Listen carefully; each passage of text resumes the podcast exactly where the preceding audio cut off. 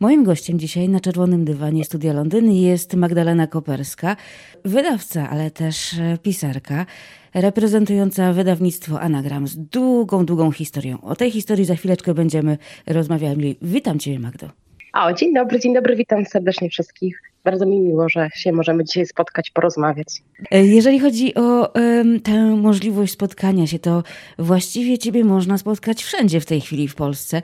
Dlatego, że troszeczkę śledziłam Twoją trasę i to, co robisz. Masz niespożytą energię i z jednego spotkania, z jednego festiwalu jedziesz na kolejny. Jak to jest?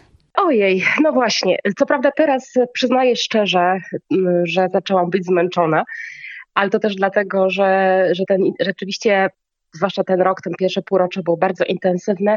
Nie wiem skąd biorę energię. Prawdopodobnie biorę energię po prostu z, z tego, że uwielbiam swoją pracę i mam tak fantastycznych ludzi wokół siebie. To pewnie, pewnie tak to wygląda, że, że nawet jeżeli jestem zmęczona, to jedna rozmowa, punkt zapalny, taki i już jedziemy, już robimy. No, takie trochę mam ADHD y, zawodowe, artystyczne, że muszę coś ciągle robić.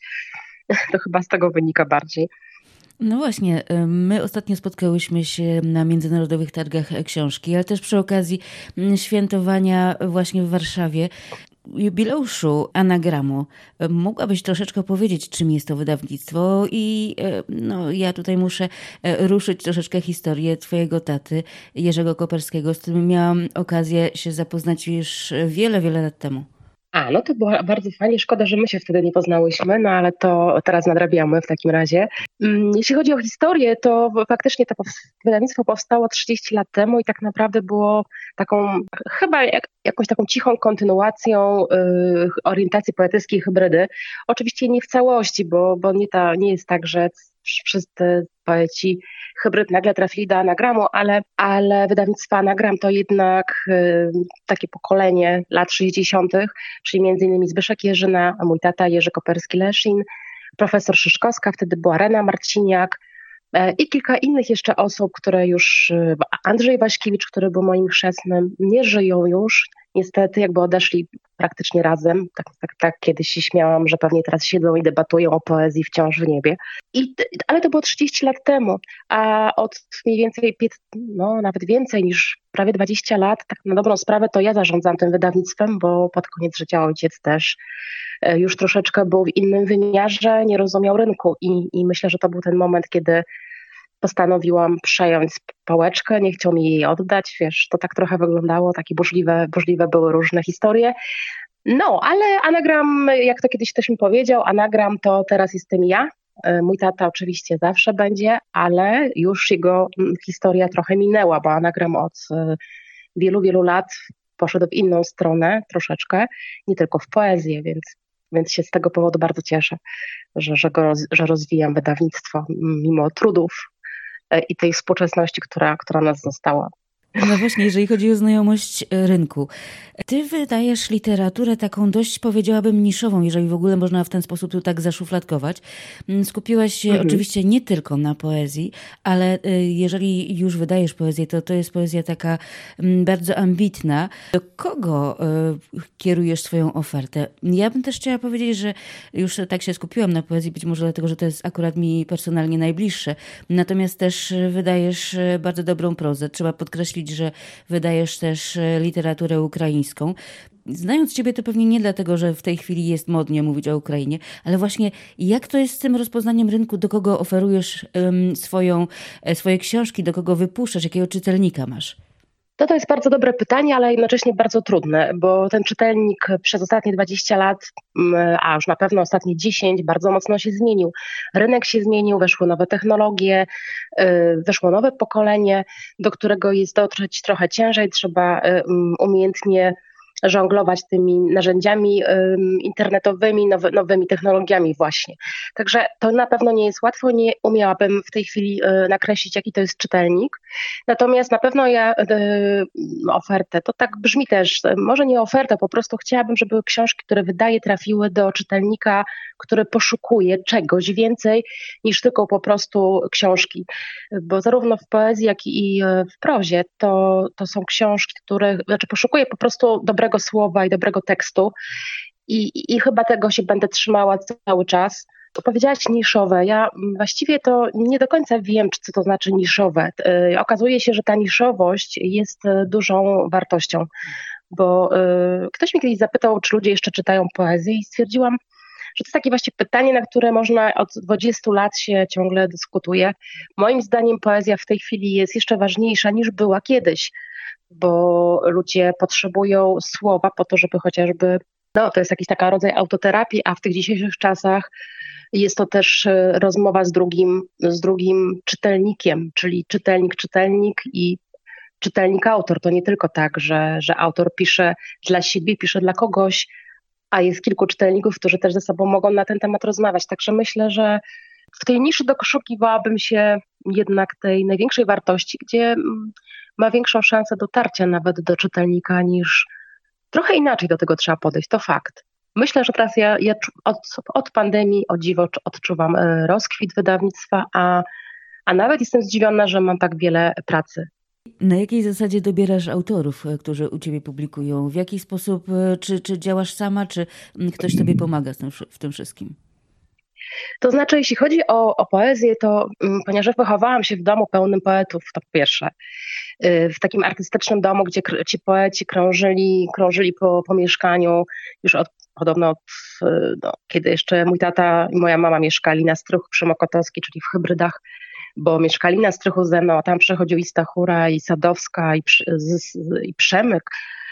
No i całe pokolenie tak naprawdę tych najwybitniejszych chyba Ernest Bryl, tam cały czas ktoś się kręcił. Więc ja się śmieję, że ja po prostu poezję mam we krwi E, I myślę, że po prostu mm, swoje poetyckie wybory to są moje po prostu poetyckie wybory, czyli to, co ja mam w sobie. To czyli jakby od, ja mm, wiem, czego ja szukam, wiem, czego w poezji nie lubię e, i to są takie moje bardziej wybory. Staram się ich jednak nie konsultować, chociaż oczywiście mam kilku poetów, z którymi dyskutuję na temat, e, kiedyś był to Zbyszek Jeżna, teraz, teraz już go nie ma, ale z poezją to jest dużo mi prościej, bo jakby to po prostu mam swoi, swoje założenia, sama prowadzę warsztaty poetyckie, jakby nie, nie mam potrzeby bardzo intensywnej konsultacji, jeśli chodzi o poezję. Natomiast przy prozie to oczywiście już więcej, bo to, to była moja strefa komfortu wcześniej. Znaczy, musiałam wyjść ze strefy komfortu, żeby wydać prozę. Więc tak, mam tutaj kilku takich moich doradców. Zupełnie inaczej w prozie polskiej, zupełnie inaczej w prozie ukraińskiej, bo to też jest ciekawa historia, ta, skąd ta Ukraina i dlaczego e, Ukraina.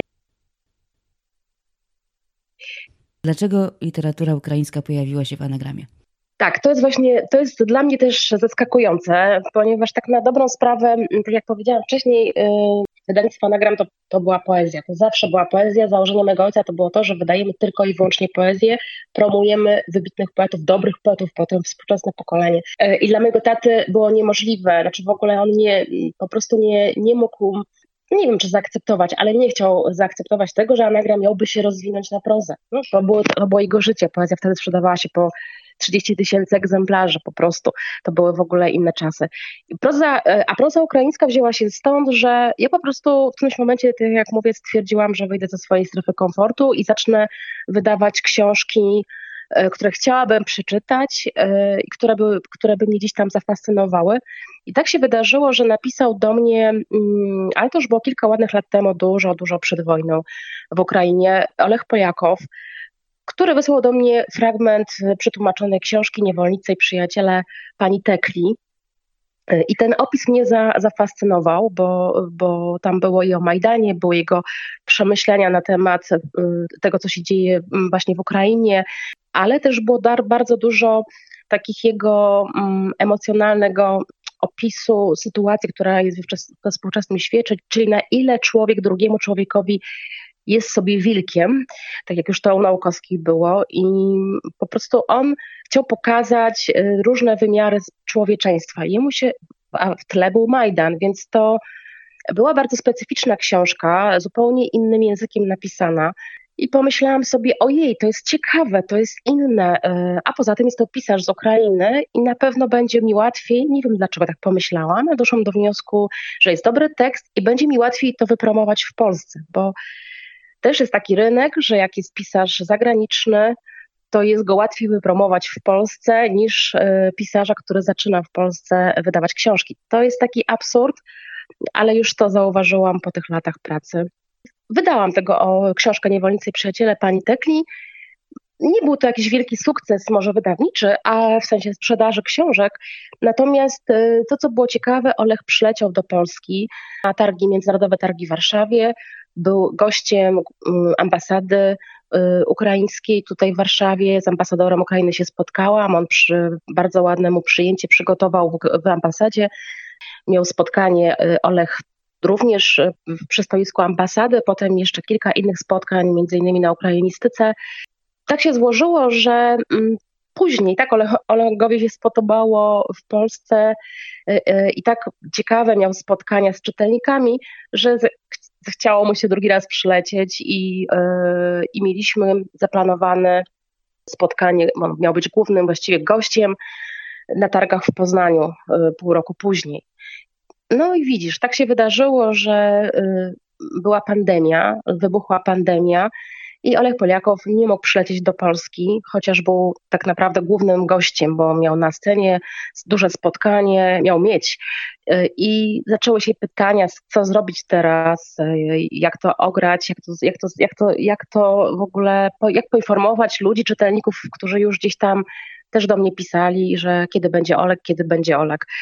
No i wymyśliliśmy sobie, że Olek będzie, będziemy robić na, mm, nie pamiętam już wtedy jaką, w każdym razie online, że będziemy się po prostu z nim łączyć, nie ma innego wyboru. No to nie było oczywiście to samo, co pewnie takie bezpośrednie spotkanie z czytelnikami, no ale jednak jednak to jakieś spotkanie już było. I tak poznałam Ryszarda Kupidurę. Ryszard Kupidura, który jest ukrainistą yy, i też jest tłumaczem, po prostu pomógł mi. Ryszard prowadził y, spotkanie właśnie to no online y, z Olegiem i, i pamiętam, że wtedy właśnie coś między nami, jakaś taka fajna więź y, się zawiązała, taka zawodowa i Ryszard Kupidura mi zaproponował, mówi słuchaj, może spróbujemy kolejnego pisarza ukraińskiego wydać tu w Polsce, Bogdan Komiczuk. E, świetny pisarz, e, to są takie kryminały w stylu, w stylu retro, to jest mój kolega, ale ma bardzo dobre notowanie w Ukrainie, jest nominowany do różnych nagród. No i tak się zaczęła moja przygoda. Mówiłaś o wychodzeniu ze strefy komfortu, a mnie zaintrygowało, co to jest ta poetycka mapa marzeń i księżycowy krąg kobiet kreatywnych. A to jest jeszcze inna historia, bo ja pracowałam kiedyś w agencji PR-owej. E, to jest w ogóle moje takie, właśnie poezja albo PR. E, I w momencie, kiedy tata nie chciał mi przekazać wydawnictwa, bo były takie, takie sytuacje, to pomyślałam sobie, że będę rozwijała się w PR-ze, czyli w public relation. Dzięki temu też poznawałam ludzi biznesu, różne też kobiety biznesu, bo chodzę na, na spotkania biznesowe, na konferencje, należę do różnych klub biznesowych, klubów biznesowych, dostałam nagrodę w końcu od magazynu do Grysy Biznesu, Businesswoman Award i to w 2020 roku było.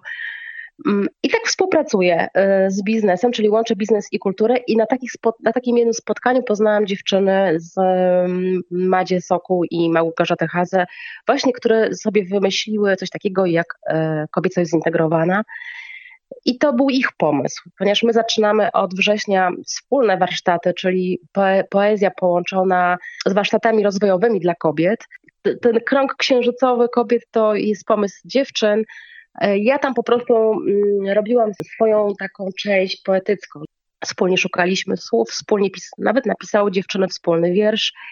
E, ja to nazwałam mapę marzeń, bo mapę marzeń w sensie, że poszuku, poszukują swoich, swoich słów i jakby wspólnie tworzymy takie, e, taką mapę z tych słów, e, która świetnie odzwierciedla też, kim my tak naprawdę jesteśmy, bo, bo ja zawsze się pytam wtedy dziewczyn, żeby znalazły takie słowo, które je najbardziej charakteryzuje. I to, to się zaczyna, ale tylko jedno. No i tak to powstało. Natomiast to akurat ta mapa marzeń to była e, dodatkowa rzecz. Tak naprawdę no to później, później robimy warsztaty to właśnie rozwojowe, terapeutyczne mm, z poezją w albo no, oczywiście poezja odgry będzie odgrywała ważną rolę, no ale to, to nie będzie najważniejsza, najważniejszy element tych warsztatów też. Tutaj połączymy te nasze siły. Ja już kiedyś takie rzeczy robiłam. Robiłam, próbowałam właśnie łączyć poezję z psychologią, bo słowo ma ogromną moc, to już wiemy, a poezja ma e, bardzo taki, taką funkcję terapeutyczną, dla autora również, ale nie tylko dla autora, ale również dla czytelnika. I tak pomyślałam, że to jest y, świetne, zwłaszcza teraz, kiedy, no wiadomo, jest wojna, zmienia się świat, jest też ta audiowizualność, która zagościła szeroko w naszym współczesnym świecie. I ludzie poszukują drugiego człowieka, poszukują rozmowy i dialogu a słowo, a zwłaszcza poezja ma właśnie taką moc, która łączy. Łączy nie tylko ludzi, pokolenia, też daje taki wymiar terapeutyczny dla tego, kto czyta. Jak się czyta na głos wiersze, to zupełnie inaczej brzmią niż jak się czyta samemu w zaciszu domowym. I ja wykorzy wykorzystuję, chcę wykorzystać tę, tę moc słowa właśnie po to, żeby te warsztaty prowadzić. Także to jest bardzo fajne, taka moja misja kolejna. Sądzę, że nasze słuchaczki, słuchacze pewnie też chcieliby mm, wiedzieć, e, kiedy warsztaty jak można się tam dostać, e, czy są jakieś obostrzenia, gdzie będą i wszystkie te szczegóły, które pomogą im uczestniczyć w takich warsztatach. Akurat warsztaty, które będziemy organizowały, te najbliższe we są we wrześniu, teraz jeszcze dokładnie daty Ci nie powiem, bo chyba 17-19 września, tak mamy zaplanowane. One będą w kątach rybackich w hotelu SPA, więc to są typowo warsztaty dla kobiet. Niestety tutaj mężczyzn nie zapraszamy, ale nie dlatego, że ich dyskryminujemy, tylko po prostu tak sobie założyłyśmy, że w tej takim grupie kobiecej będzie nam łatwiej. Później to też prawdopodobnie będę dalej organizowała, ale to już w Warszawie, takie warsztaty terapeutyczne połączone z poezją stacjonarnie, ale może online też o tym myślę, bo takie warsztaty prowadzę cały czas od roku. Mam swoją grupę. Wczoraj skończyłam e, już grupę i skończyłam również te warsztaty właśnie z moją grupą dziewczyn, które już od roku są ze mną na takich warsztatach online. Tego jeszcze nie umiem powiedzieć, gdzie będą, ale to na pewno będą w Warszawie się odbywało albo właśnie online, ale to całą ofertę przygotowuję. E, no myślę, że na mojej stronie po prostu, na Facebooku będą te informacje, portal Damosfera jest partnerem tych warsztatów, również magazyn Dygresy Biznesu, więc myślę, że będziemy o tym dużo mówić jeszcze, ale to pewnie bliżej sierpnia. W takim razie e, proszę śledźcie profil Magdalena Koperska na Facebooku, tam możecie znaleźć wszystkie informacje. Mówisz y, właśnie o takim bardzo dobroczynnym działaniu poezji, słowa i ja się z tym zgadzam, aczkolwiek, aczkolwiek właśnie diabeł tkwi w szczegółach. Nie wiem, czy ty się spotkałaś z taką ogromną rywalizacją niekiedy między twórcami samymi, zwłaszcza poetami, ale pisarze też czasami potrafią sobie szpilki wkładać uh-huh. i z tak zwanym hejtem po prostu w sieci. Uh-huh. Mówię tu też nawet o krytykach y, albo takich quasi krytykach literackich, którzy właściwie z mojego punktu widzenia swoje ego budują czasami na e, nie tyle opisywaniu poezji czy książek przeczytanych, ale krytykanstwie wręcz. Powiem ci, że kiedy ja wchodziłam w, tak porządnie w ten świat literacki, to oprócz porad, czasami po prostu oprócz jakichś bardzo ciekawych nowych tropów, bardzo często spotykałam się z takim właśnie krytykanstwem i taką nieograniczoną falą, powiedziałabym nawet nienawiści, że ktoś nowy wchodzi, młody wchodzi, na pewno młody to odpadnie, że to jest beznadziejne, że nawet już nie zacytuję gorszych słów. Jak ty to jako wydawca, ale też jako twórca odbierasz? Oj, właśnie, to dosyć często na ten temat rozmawiam i nie tylko z poetkami, poetami moimi, w sensie moimi wydawnictwa nagram, ale również z wydawcami takimi zaprzyjaźnionymi ze mną. No jest to bardzo smutne zjawisko, ale to zjawisko powstało moim zdaniem dlatego, że bardzo dużo rzeczy przeniosło się do sieci. Kiedyś było więcej na, według mnie pism krytyczno-literackich, było więcej pism w ogóle opiniotwórczych, jeśli chodzi o poezję, literaturę w ogóle. Było więcej krytyków literackich, którzy rzeczywiście byli krytykami a na czym polega krytyka? Krytyka polega na tym, żeby po prostu pokazać, jeżeli już z czymś się nie zgadzamy, pokazać to w sposób merytoryczny, tak? Jakiś błąd pokazać, e, stwierdzić, w którą stronę autor powinien pójść i co jest w, tym, w tych wierszach złego, źle napisane.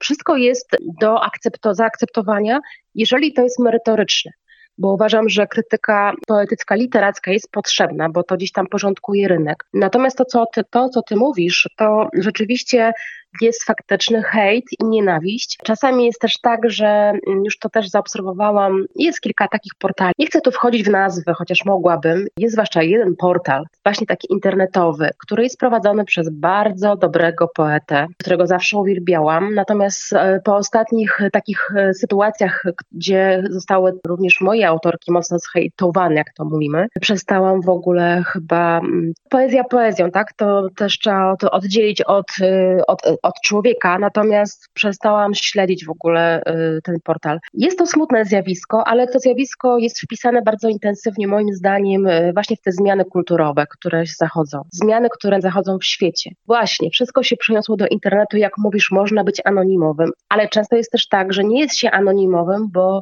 poeci i prozaicy między sobą wbijają sobie szpile, właśnie niemerytoryczne, ale żeby kogoś zniszczyć. Nie wiem z czego to wynika. Nie wiem skąd to izą wynika, szczerze powiem z jakiegoś e, niedowartościowania, z tego, że ludzie po prostu e, są niespełnieni. Mówię teraz o tych poetach, którzy krytykują w taki sposób. Ja mam duży błąd wo wobec tego. Ja się dużą na to niezgodę. Naprawdę ostatni czasy musiałam kilka takich e, autorów, autorek, może jeszcze nie z depresji, ale z takiego już bardzo stanu nie, nieciekawego wyciągać. Pojawiały się pytania, po co, dlaczego się wydało i tak dalej, i tak dalej, że to nie ma sensu.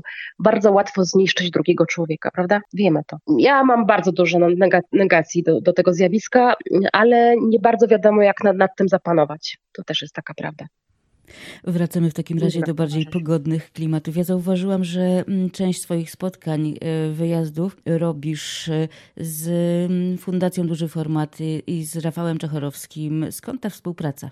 No właśnie, to jest to, że się niektórzy e, bardzo mocno zastanawiają, jak my współpracujemy, dlaczego my współpracujemy, bo przecież dwa wydawnictwa i to tego poetyckie założeniu. Ja powiedzmy nie, nie czuję się poetyckim, tylko literackim po prostu. Rafał wydaje więcej poezji, choć też wiem, że prozę, ale bardziej z y, wydawcą poezji. Nie wiem skąd to się wzięło, po prostu my się zakolegowaliśmy już dawno, dawno temu. Ja po prostu z Rafałem, ja nawet nie wiem kiedy się z nim spotkałam, prawdopodobnie przy okazji pierwszego jego festiwalu dużego formatu i to tak popłynęło, wiesz, a teraz my jesteśmy po prostu mm, dobrymi kolegami, y, współpracujemy ze sobą, wspieramy się, pokazujemy, że, że ta współpraca jest możliwa, że dwa wydawnictwa, które tak naprawdę zajmują się trudnym rynkiem, bo literatura ambitna i poezja to wiadomo, że to nie są milionowe nakłady. I myślę, że ta współpraca nam daje bardzo dużo, bo oboje na tym korzystamy, w tym sensie, że się właśnie możemy razem promować naszych autorów, y, moich autorów. On chętnie przyjmuje na festiwal, jak organizuje jubileusz anagramu, no to właśnie Rafał był ostatnio gościem tej debaty o współczesnej, o roli współczesnego twórcy. Także myślę, że to po prostu jest przyjaźń, tak mi się wydaje, i zawodowa, i pozazawodowa, i to, to nam bardzo pomaga, że my nie rywalizujemy, a jeszcze mamy takie niepisane, to od razu powiem, niepisane swoje założenia, swoje zasady, że nie wydajemy autorów, którzy wydali w, powiedzmy wcześniej u niego czy u mnie. Tak sobie założyliśmy, niektórzy się dziwią. To dzięki temu mamy taką sytuację, że mamy, nie, dzięki temu sobie nie wchodzimy w swoje kompetencje, nie wchodzimy w swoją grupę, po prostu robimy swoje, a, a gdzieś tam spotykamy się, tak jak ostatnio na tych warsztatach, które organizowaliśmy dla moderatorów. E, I myślę, że to jest ta wielka wartość nasza, że, że dzięki temu tworzymy, jak się śmiemy, konsorcjum poetyckie, czyli dwie firmy, które ze sobą mocno współpracują, a nie rywalizują. No i ja bym chciała, żeby takich połączeń biznesowych było więcej. No ale różnie na rynku bywa, sama o tym wiesz.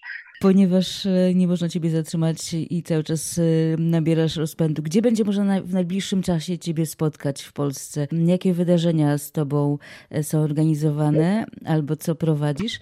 No i w jaki sposób można trafić do twojego anagramu, gdyby ktoś chciał wydać właśnie u ciebie książkę? Więc pierwsza sprawa to jest, y, że chyba już przez najbliższe dwa miesiące y, będę, zaszyję się po prostu, jak stwierdziłam, w zaciszu, nie wiem, domu, albo gdzieś ucieknę do lasu, albo gdziekolwiek wyjadę, bo rzeczywiście to był bardzo intensywny dla mnie, dla mnie czas. To też nie jest tak, że ja robię to wszystko sama, bo wokół mnie jest mnóstwo ludzi, którzy mi pomagają. To jest dla mnie bardzo, bardzo cenne. Natomiast czuję już mocno zmęczenie, więc myślę, że na razie mi nigdzie nie będzie można spotkać. Doszłam do wniosku, że już dosyć y, zawodowych, mm, więc pewnie lipiec, sierpień to nic. Natomiast po wakacjach to już na pewno wiem, że no, na pewno się nie zatrzymam. Będą spotkania za spotkaniem, ale to nie mogę jeszcze zdradzać, kto będzie, komu robi, organizuje spotkania. Na, te, na pewno będę y, chciała w końcu zorganizować jubileusz. Muszę to zrobić ze względu na pamięć ojca chociażby. W Krakowie prawdopodobnie nie będę jednak w tym roku, chociażby dlatego, że, że, że jeżeli dostaniemy dotacje na książki ukraińskie, to prawdopodobnie nie zdążymy do targu Gdańsku, w Krakowie tego przygotować. No, w Warszawie będę się pewnie już kręciła bardziej po wakacjach, ale wiesz, ze mną to nigdy nic nie wiadomo. To zawsze, zawsze może się jeszcze okazać, że nagle po wakacjach będę w dziesięciu różnych miejscach naraz. Śmieję, sklonuję się kiedyś. Mój gość, mój bardzo żywiołowy gość na Czerwonym Dywanie Studia Londyn dla słuchaczy Radionet. Magdalena Koperska, wydawca, pisarka, była dzisiaj u nas y, na antenie. Serdecznie Magdo dziękuję za rozmowę. Bardzo dziękuję, bardzo było miło.